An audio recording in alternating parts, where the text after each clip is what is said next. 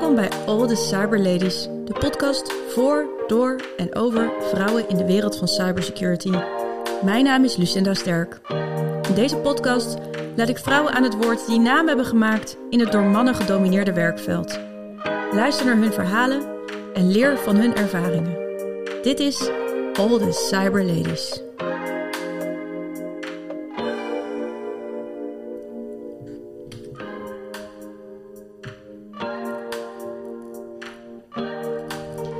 Mijn gast van vandaag is Noortje Hendricks. Noortje werkt bij het Nationaal Cybersecurity Centrum in Den Haag. Daar geeft ze al enkele jaren leiding aan het Cyber Threat Intelligence en dreigingsanalyse team. Als enige vrouwelijke teamhoofd van haar afdeling voelt zij zich als een vis in het water. In haar vrije tijd schrijft ze boeken. Detectives met een knipoog naar cybersecurity. Welkom Noortje. Dankjewel Lucinda dat ik langs mag komen. Ja, geweldig dat je hier bent. Hey, en uh, deze week, uh, hij ligt hier bij mij op tafel, is het Cybersecurity Beeld Nederland weer gepubliceerd. Um, het thema dit jaar is uh, verwacht het onverwachte. Wat, wat bedoelen jullie daarmee?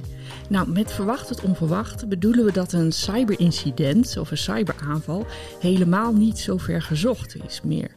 Met de dreiging van digitale aanvallen, die nog steeds onverminderd groot is, is het niet de vraag of organisaties te maken krijgen met een cyberincident, maar wanneer. En daarom is het eigenlijk ook heel erg gaaf dat wij in deze editie samengewerkt hebben met het Digital Trust Center. En voor degenen die dat niet kennen, dat is de organisatie die ondernemers in Nederland helpt met veilig digitaal ondernemen. En met dat Digital Trust Center hebben we uh, dreigingsscenario's gemaakt om bedrijven uh, te helpen om cyberrisico's te identificeren. Dus dat is eigenlijk een primeur in dit, uh, dit CSBN. En in die dreigingsscenario's stellen we ook bedrijven vragen van die, die hun nalaten denken over hun eigen uh, risico op digitale incidenten. Namelijk um, welke systemen gebruik je, weet je welke afspraken je hebt gemaakt met een leverancier en heb jij een draaiboek klaar voor als er een keer een cyberincident zich voordoet. Dus dat is echt hartstikke, uh, hartstikke gaaf. En we zien ook als een van de belangrijkste conclusies in dit document dat de beveiligingsmaatregelen, de beschermingsmaatregelen van bij organisaties in Nederland achterblijven tegen de mate van uh, de dreiging die eruit gaat van digitale aanvallen. Ja, en dat is dan ook direct de belangrijkste conclusie uit het CSBN? Ja, dat denk ik wel. Het CSBN uh, heeft natuurlijk veel meer hoofdstukken uh, die het behandelt. Maar ik denk dat deze conclusie zo belangrijk is, omdat die ieder jaar weer terugkomt. Ja, en wat ik ook heel mooi vond, is dit jaar uh, dat jullie een heel overzicht hebben gemaakt ja. van incidenten, security incidenten in, in Nederland en ook elders in de wereld. En nou, ik zei net tegen jou, dat we hebben zo'n korte termijn geheugen. Dus we vergeten al vaak heel snel wat er allemaal is gebeurd. Klopt. En dit overzicht helpt daar dan bij om ook het allemaal weer in perspectief te plaatsen. En dat je dan denkt, oh, oké, okay, we hebben dus wel degelijk met heel veel security incidenten te maken in Nederland. Zeker. En ik ja. denk dat het heel goed is voor organisaties om juist dat te beseffen. Dat het geen vet van, ver van je bedshow meer ja, is. Ja, ja, nee, dat is, uh, ik hoop dat dat er een keer inkomt. Hey, en Noortje, wat doet jouw team precies? Um, nou, mijn team kijkt. Uh, het is overigens echt het leukste team ever. Mijn team kijkt naar digitale aanvallen. Um, in het binnen- en in het buitenland. Heel veel wat er in het Cybersecurity Beeld Nederland staat, is ook terug te voeren op het werk van mijn team. Nou, wij kijken dus naar die aanvallen en wij verzamelen informatie over die, deze aanvallen. Dat, dat kan van alles zijn. Bijvoorbeeld technische informatie, maar ook um, methodes die digitale aanvallers misbruiken om systemen binnen te dringen. En trends en ontwikkelingen wat betreft digitale aanvallen. Nou, en die informatie die analyseren we en die delen we vervolgens met organisaties om uh, hen te helpen met het treffen van beschermingsmaatregelen. Want als je weet hoe aanvallers te werk gaan, dan sta je eigenlijk met 1-0 voor als je uh, dan gerichte maatregelen wil nemen. Je kunt het een beetje vergelijken met um, een inbreker hè, in de buurt. Als je weet dat hij een bepaalde methode gebruikt, bijvoorbeeld uh, vuilnisbakken om op te klimmen, om zo het badkamerraampje te uh, bereiken. Dan weet je ook dat je misschien of de vuilnisbakken weg moet halen of het badkamerraampje beter uh, moet beveiligen. En het toffe van mijn team is eigenlijk dat daar um, verschillende soorten mensen in zitten. Er zitten verschillende soorten mensen in met verschillende achtergronden. Dus niet alleen digitale specialisten, zeker, die hebben we hele goede. Maar ook mensen met uh, criminologie als achtergrond of bijvoorbeeld integrale beveiligheidskunde. En um, die mensen die heb je allemaal nodig om die methodieken, die technieken en die trends en ontwikkelingen van digitale aanvallen te analyseren, zodat bedrijven die kunnen gebruiken om zichzelf te beschermen. Ja, wauw. Het klinkt echt heel gaaf wat je doet. Ja, dat is echt, echt geweldig. Oh ja, en we faciliteren ook nog het, uh, Nationaal Detectienetwerk. Oh, wat is dat dan? Oh, het, het NDN, het Nationaal Detectienetwerk. Ja, wij noemen het liefkozend het NDN. Dat is het netwerk waarbinnen organisaties in Nederland uh, informatie over cyberaanvallen delen. Dat is meestal technische informatie, indicatoren noemen we dat. En die worden ook vol automatisch gedeeld. Um, naar organisaties die deel uitmaken van onze vitale infrastructuur of organisaties die deel uitmaken van de Rijksoverheid. En die gebruiken die autom de geautomatiseerde informatie, die indicatoren, om binnen hun eigen systeem op te monitoren. Als zij bijvoorbeeld zo'n indicator tegenkomen, dan weten zij dat zij daar extra onderzoek naar moeten doen, omdat zij dan mogelijk te maken hebben met malafide verkeer. Dus um, het NDN is eigenlijk een van de belangrijkste digitale verdedigingsmechanismen die Nederland kent. Wauw, en hoe lang bestaat dat al, dat NDN? Uh, elf jaar, ik, of, of twaalf, dat moet je me even... Oh, maar een hele, hele poos al inderdaad. Ja. ja. ik weet nog dat ik een stuk heb geschreven ter ere van het tienjarig bestaan van het NDN. Maar hoe lang dat geleden is, de tijd gaat zo snel tegenwoordig. Ja, absoluut. hey, en uh, nou ja, je doet hartstikke gaaf werk bij, uh, bij het Cybersecurity Center. Dat is onderdeel van de overheid. Ja. Wat, wat is jouw motivatie om voor de overheid te gaan werken? Want als je kijkt naar cybersecurity in Nederland, heb je gewoon ongelooflijk veel mogelijkheden natuurlijk. Mm, om absoluut. Een leuke functie te vinden. Uh, bij uh, commerciële organisaties. Er zijn stichtingen, er zijn CERTs. Ja. Uh, en jij koos voor de overheid. Kan je ja. uitleggen waarom? Ja, uh, ik heb vroeger internationale betrekkingen gestudeerd. Met een specialisatie in conflictstudies. Mijn scriptie ging ook over vredesopbouw. En daarna kwam ik eigenlijk terecht in de ontwikkelingswereld. Ik ging werken voor een ontwikkelingsorganisatie. En daarvoor kwam ik in landen zoals Kenia, Ethiopië, Oeganda. En ik kreeg te maken met hele complexe situaties daar. En um, ik voelde me vaak een buitenstaander. Van wie ben ik? Wat kom ik hier eigenlijk doen? Wat kom ik hier eigenlijk vertellen? Maar tegelijkertijd groeide ook de waardering die ik had voor wat wij in ons eigen land hebben opgebouwd. Hoe wij hier leven en de vrijheid die hier heerst. En ik wil heus niet suggereren dat in dit land alles goed gaat. Dat, dat, we kennen hier ook natuurlijk problemen en uh, uh, we hebben hier ook heel veel werk voor de boeg liggen. Maar het feit is wel dat mijn ouders, die zijn na de oorlog zijn ze uh, geboren, dat die in veiligheid zijn opgegroeid. Ik ben in veiligheid opgegroeid. En ik wil dat de volgende generaties, de kinderen van mijn broer, ook in diezelfde veiligheid opgroeien. En daar wil ik, hoe bescheiden ook, echt een rol in spelen. Ik vind dat zo mooi. um, en, nou, ja, je hebt al iets verteld over je achtergrond en je studie en, uh, en je motivatie. Um, nou ben je een van de weinige vrouwen volgens mij bij nou, het National Cybersecurity Center. Dat valt, dat? Ja? dat valt echt heel erg mee. Uh, ik, uh, zoals jij net zei, uh, het cybersecurity werkveld bestaat uit verschillende vakgebieden. Je hebt communicatiemedewerkers, je hebt ook beleidsmedewerkers, mensen in het management. En ik kan echt wel zeggen dat het bij het NCSC vrij aardig verdeeld is. behalve dan de technische specialisten. Daar kan dat echt, echt veel beter. En ik denk dat die um, mate van diversiteit, uh, met name voor ons team en de mensen die zich bezighouden met analyse, echt heel erg belangrijk is. Want um, als je een team hebt met daarin mensen die allemaal niet hetzelfde zijn, dan heb je ook um, de mogelijkheid om problemen vanuit een ander perspectief te benaderen. Dus teams die zich bezighouden met analyse zijn heel erg gebaat bij diversiteit, omdat, juist hun, uh, omdat dat juist tunnelvisie vermijdt. En ik vind dat um, het NCSC, met name op het, het uh, technisch vakgebied, dat dat uh, nog best wel diverser kan worden. En ik denk dat daar ook wel um, rolmodellen om de hoek uh, komen kijken. Sanne Maasakkers bijvoorbeeld, jouw eerste gast in de show. Dat is echt een rolmodel voor meisjes en vrouwen om juist ook zo'n technisch beroep te kiezen. Zie jij jezelf ook als rolmodel? Nee, dat, dat zou je echt aan andere mensen moeten vragen. Want Ja? eh, het is zo moeilijk om. eh, Het is moeilijk hè, om over jezelf te zeggen. Nou, het is, het is moeilijk om te ehm, zien hoe je zelf gepercipieerd wordt door anderen. Dus dat eh, is niet de rol waarvan ik, die, die ik mezelf zou willen toeschrijven. Maar om terug te komen op die technische afdeling, dan trek ik altijd een vergelijking met het Nederlands voetbalelftal, de vrouwen. Die toen Europees kampioen werden, weet je nog. Ja. En ehm, eh, hoewel daarvoor ook wel meisjes op voetbal zaten en dat ook een populaire sport was onder vrouwen, zag je toen echt een enorme run op eh, voetbalclubs voor meisjes, eh, door meisjes die dat zagen.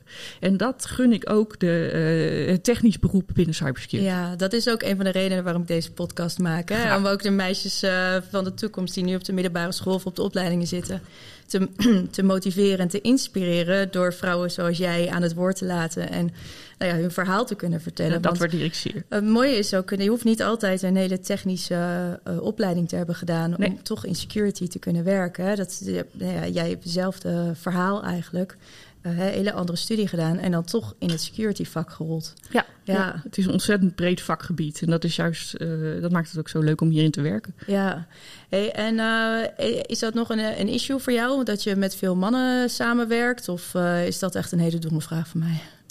Nee, het is geen domme vraag. Het is wel iets wat eh, mij niet zo heel veel doet, maar wat wel vaak opvalt. Ehm, dat binnen mijn eh, afdeling dat er ja, toch eh, merendeel mannen is. En dat, dat, dat is iets wat mij soms opvalt tijdens vergaderingen. En dan denk ik van nou, ehm, zo'n organisatie, ik denk eigenlijk iedere organisatie is altijd gebaat bij wat meer evenwicht. Maar ook door wat, door wat meer vertegenwoordiging. Door bijvoorbeeld eh, mensen van kleur bijvoorbeeld. Of bicu- biculturele mensen. Ja, absoluut. Ehm, en nou, even terug naar die rolmodellen, want ik ben nou wel benieuwd. eh, wie is jouw rolmodel? Ik denk dat er, dat er twee soorten rolmodellen bestaan. Dus je hebt eerst de, de zichtbare rolmodellen, de voorbeelden zoals ik het noem. En als ik naar mezelf kijk, ehm, wie mijn rolmodel is voor het werk, als ik kijk hoe zij op een integere en authentieke manier, ehm, eh, maar die toch heel duidelijk is, een team weet aan te sturen en te coachen, dan eh, ja, kom ik toch weer terug bij het voetbal, waar ik dus eigenlijk helemaal niks mee heb. Maar dat is Sarina Wiegman. Daar heb ik echt, echt ontzettend veel bewondering en voor. Sarina Wiegman is de coach geweest van het Nederlands elftal? Of Ja. is zij dat nog steeds? Nee, zij ehm, heeft laatst met het Engels elftal Oh, eh, heeft zij een eh, Europees kampioenschap eh, gewonnen. Wat zij nu doet, weet ik niet meer. Maar altijd als er iets in het nieuws is wat betreft haar methodes, eh, hoe zij dan een team coacht en weet te motiveren, dan lees ik daar toch even dat artikel van. Ja. En buiten werktijd, eh, ehm, dan, dan heb je te maken met andere rolmodellen. Hè? Agatha Christie is ook iemand waar ik, waar ik echt, echt wel naar kijk, hoe ze bepaalde Ja, dingen daar, heeft daar aangepakt. komen we zo nog eventjes op, op jou. Maar, en, en twe- maar je hebt ook het tweede ehm, soort rolmodellen die ik eh, wellicht even belangrijk vind. En dat zijn ehm, toch de, de vrouwen die onze huidige carrières mogelijk hebben gemaakt. Dat zijn eh, eigenlijk meer onzichtbare rolmodellen, maar die er toch eh, zijn geweest en die grote invloed hebben gehad op hoe wij ons leven nu leven. En dan, als je dat bedenkt, dat vrouwen in Nederland tot 1956 juridisch handelingsonbekwaam werden verklaard door de wet. Dat betekent dus dat, dat vrouwen toen, ze mochten niet werken na het, eh, huwelijk. Eh, ze moesten in alles toestemming vragen aan de man. Eh, ze konden geen rekening openen, geen verzekering afsluiten. Dan hebben wij in een kort tijdsbestek eigenlijk ehm, eh, eh, nou ja, heel erg veel bereikt. En we staan echt wel op, op schouders van reuzen. En dat zijn soms ook mensen die best wel dichtbij bij ons staan. Ehm, als je bijvoorbeeld kijkt naar mijn, mijn moeder, hi mam, Ehm, dan ehm, na de geboorte van haar eerste kind eh, heeft ze echt moeten vechten om een bepaald aantal uren te gaan werken dat zij graag wilde werken. En dat is nog best, best wel heel kort geleden. En dat is ook wel een heel gezond besef. Dat je eigenlijk ehm, op de schouders van reuzen staat. Ja. En dat er rolmodellen zijn die eigenlijk eh, even, minstens evenveel invloed op jouw leven hebben dan die zichtbare voorbeelden. Ja, het is goed om dat af en toe even in perspectief te plaatsen hè, voor, je, voor jezelf. En het is echt wel fascinerend om te bedenken dat we, eh, dat we nog niet zo lang geleden eh, eigenlijk nog niet eens ja, zoveel mochten als we nu mochten natuurlijk. Eh, als we nu mogen. Ehm, maar jij noemde net al even Agatha Christie. Dan gaan we nu naar jouw andere carrière, buiten security. Je houdt er gewoon een extra carrière op na. Een hele succesvolle reeks detectives heb jij geschreven onder het pseudoniem Kevin de Haan. Maar Noortje, nou breekt mijn hart eigenlijk een beetje. Want waarom heb je nou weer voor een mannennaam gekozen? Kevin de Haan is geen mannennaam. Nou. Nee, ik zal je het vertellen. Ja, vertel. Het, um, uh, op mijn werk werd er ooit een schrijfwedstrijd gehouden. En, uh, Hier het NCSC of ander werk? Nee, ander werk. Oké. Ander werk. Dat was een tijdje geleden, voordat ik uh, die boeken schreef. En uh, om te voorkomen dat de meest populaire collega die schrijfwedstrijd zou winnen, werd er gevraagd om onder pseudoniem te schrijven. Nou, het verhaal had ik inmiddels al klaar, dat zat goed, maar het pseudoniem nog niet. En op het moment dat ik daarover nadacht, bevond ik me in de kinderboerderij bij ons op de hoek. En uh, daar woonde dus een, uh, ja, een haantje die wij toen geadopteerd hadden. En uh, die heette Kevin. En Kevin zag er nou niet echt uit alsof hij bezwaar maakte tegen het gebruik van die naam voor een detective-reeks. En um, dus uh, heb ik zijn naam schaamteloos misbruikt. En die bleef eigenlijk uh, de rest van mijn schrijverscarrière plakken. Leeft Kevin nog? Nee, helaas. Ik nee. heb, uh, nee, nee. Na de ophokplicht heb ik hem ook niet meer in levende lijven gezien. Maar het, Oh. het was dus geen, geen man, maar echt een on, enorm schattig, lief wit pluizig haantje. Oh. Ja. oh, nou breekt mijn hart. Hij leeft Kevin, nog voor. Hij leeft nog voor. we houden van je. Oh, maar hij leeft voort in jouw boeken inderdaad. En, en, en eh, kan je daar iets meer over vertellen? Waar komt die fascinatie met detectives vandaan? Detectives is echt het meest geweldige genre in, in, in boeken wat er bestaat. Het is echt mijn, mijn lievelingsgenre. Je hebt zulke zo verschillende soorten uh, detectives, een verscheidenheid in binnen dat genre. Je hebt bijvoorbeeld politiedetectives, waar rechercheurs uh, moorden oplossen. Maar je hebt uh, ook cozy detectives, hè, waar eigenlijk heel weinig geweld in gebruikt wordt. Maar je hebt ook hard-boiled detectives, die crime noirs, waar juist wel heel veel geweld in zit. En historische detectives. Uh, en, en, uh, wat ze allemaal gemeen hebben, is de liefde voor de logische puzzel.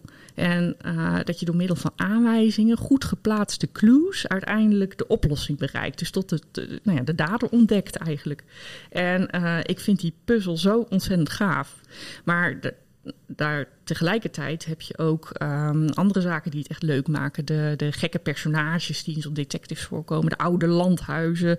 Um, de afleidingsmanoeuvres. Dus de red herrings die een, uh, een auteur kan gebruiken om zijn, uh, zijn of haar lezers op het verkeerde been te zetten. Heb jij daar ook een, een cursus voor gedaan? Of een opleiding? Of... Um, nee, maar ik uh, beschouw mezelf als ervaringsdeskundige. Ik ben groot fan van het genre. Ik ken ieder boek van uh, Arthur Conan Doyle, Agatha Christie. En ik vind het genre ook gewoon heel leuk op tv. Ik bedoel, wie kent er niet met Summer Murders of uh, Death in Paradise. en dat je toch in het begin denkt te weten wie het gedaan heeft. Maar ja. dan komt dat toch heel anders uit. En dan ben ik zo blij dat ik gewoon mee heb kunnen doen aan een mooie puzzel. Dat vind ik het leukste. Ja, en dat, dat vind ik zo leuk. Want dat, dat, dat woord puzzel, hè, dat, dat komt dan ook weer terug in cybersecurity. Hè? Want eigenlijk is cybersecurity ook continu oplossen van puzzeltjes. En ik weet niet, weet je, ben je ooit in Bletchley Park geweest? Of ja, niet? ja, ja, ja met het Park. Ja, en uh, dat is zo'n wijsgave plek in Engeland. Ja. Dat was eigenlijk tot uh, redelijk kort geleden nog uh, hypergeheim. En daar werden dus codes gedecodeerd van de Duitsers. En daar werden dus ook vrouwen, voornamelijk vrouwen, werkten daar. En dat vond ik zo inspirerend. Uh, en die, die kwamen daar eigenlijk terecht nadat zij een kruiswoordpuzzel hadden opgelost ja. in de krant. Ja. Dat was de sollicitatieprocedure eigenlijk. En dan werden, daarna werd er contact met ze opgenomen. En toen zei ze, ja, dit, jij, jij bent zo goed in die puzzel. Uh, wij hebben een, een, functie voor jou, maar daar mag je niemand over vertellen. Ja. En ik, ik, weet dat jij ook bij het NCSC wel eens puzzels hebt gemaakt ook. Uh, oh ja, die logiquiz. Die logiquiz, ja, ja. ja. Dus, dus er zit wel een bepaalde manier van denken volgens mij in jou... die dan in al die uh, uh, deel uh, dingen die jij doet, zeg maar... Ja. je carrières weer in terugkomt, zeg maar. Het oplossen van, van de puzzels. En dat vind ik ook uh, het leukste in de cybersecurity wereld. Echt uh, de creativiteit die uh, heel veel mensen in deze sector hebben. En dat probleemoplossend vermogen. En daar zit ook iets heel speels in. En iets wat gedreven is door intrinsieke nieuwsgierigheid. En dat vind ik één op één aan elkaar te relateren. En die nieuwsgierigheid en die creativiteit, die heb je ook nodig om complexe beveiligingsproblemen op te lossen. Maar ehm, over het algemeen zie ik ook dat die mensen uh, zich bezighouden met echt hele leuke dingen waar je diezelfde creativiteit voor nodig hebt. Namelijk uh, capture the flag puzzels, hè, daar komt het weer terug. Maar ook het uh, ontwerpen van gadgets en het doen van spelletjes. Dus er zit een, een zekere speelsheid in ehm, en, en daar identificeer ik me heel erg mee. Ja, ja nee, echt onwijs gaaf. Um, Even kijken, we gaan even terug naar de boeken, want ik ben toch wel heel erg gefascineerd. het, die Isla Secre reeks, ja. spreek je dat zo goed uit? Ja. Wat, wat uh, kan je daar nog meer over vertellen? Het gaat over Leuwe, Leuwe Gisladottir. Dat is de hoofdpersoon. Dat klinkt, uh, wat is het, Noors, Zweeds? Zij is half IJsland. IJsland, oké. Maar zij is terechtgekomen in de Achterhoek. En zij heeft een Achterhoeks beveiligingsbedrijfje opgericht. Zij monteert camera's en alarmsystemen. En ze wordt daarin bijgestaan door haar beste vriend Niels. En Niels is uh, digitaal specialist en zorgt voor de digitale beveiliging van bedrijven. En in elk boek hebben zij een andere beveiligingsopdracht, bijvoorbeeld op een school of op een manege of in een voormalig klooster. En uh, bij die beveiligingsopdrachten krijgen ze te maken met een moord. En doordat zij zo'n goede informatiepositie hebben, dus bijvoorbeeld door een camerabeelden of door um, iets wat digitaal is uitgezocht, kunnen zij ook de politie assisteren met het oplossen van die, uh, van die moord. En um, ik vind het ook heel leuk om dan toch iets van het werk erin mee te nemen. Niels is de digitaal specialist, is, uh, die, die, die um, kijkt naar uh, cyberaanvallen. Hè. En uh, ik vind het ook heel leuk om cyberaanvallen realistisch in die boeken te verwerken. Dus um, in het laatste boek kregen ze te maken met een, uh, een, DDoS-aanval op een school. Of een uh, defacement, een websitebeklading op een website.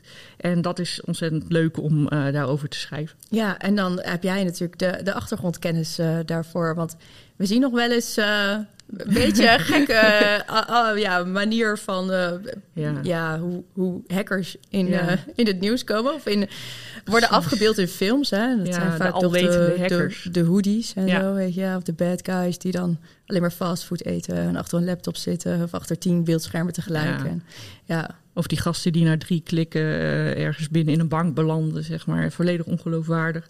Maar uh, ik vind het vooral leuk om uh, in een ouderwets genre, zoals dat detectives, met die aanwijzingen, om dan ook een modern middel daarin te, te verwerken. Ja, hey, en komen er nog meer delen? Ja, ik denk het wel. Ik ben nog lang niet uitgekeken op dat genre. Het is echt mijn lievelingsgenre. En de hoofdpersonen maken ook veel meer avonturen mee.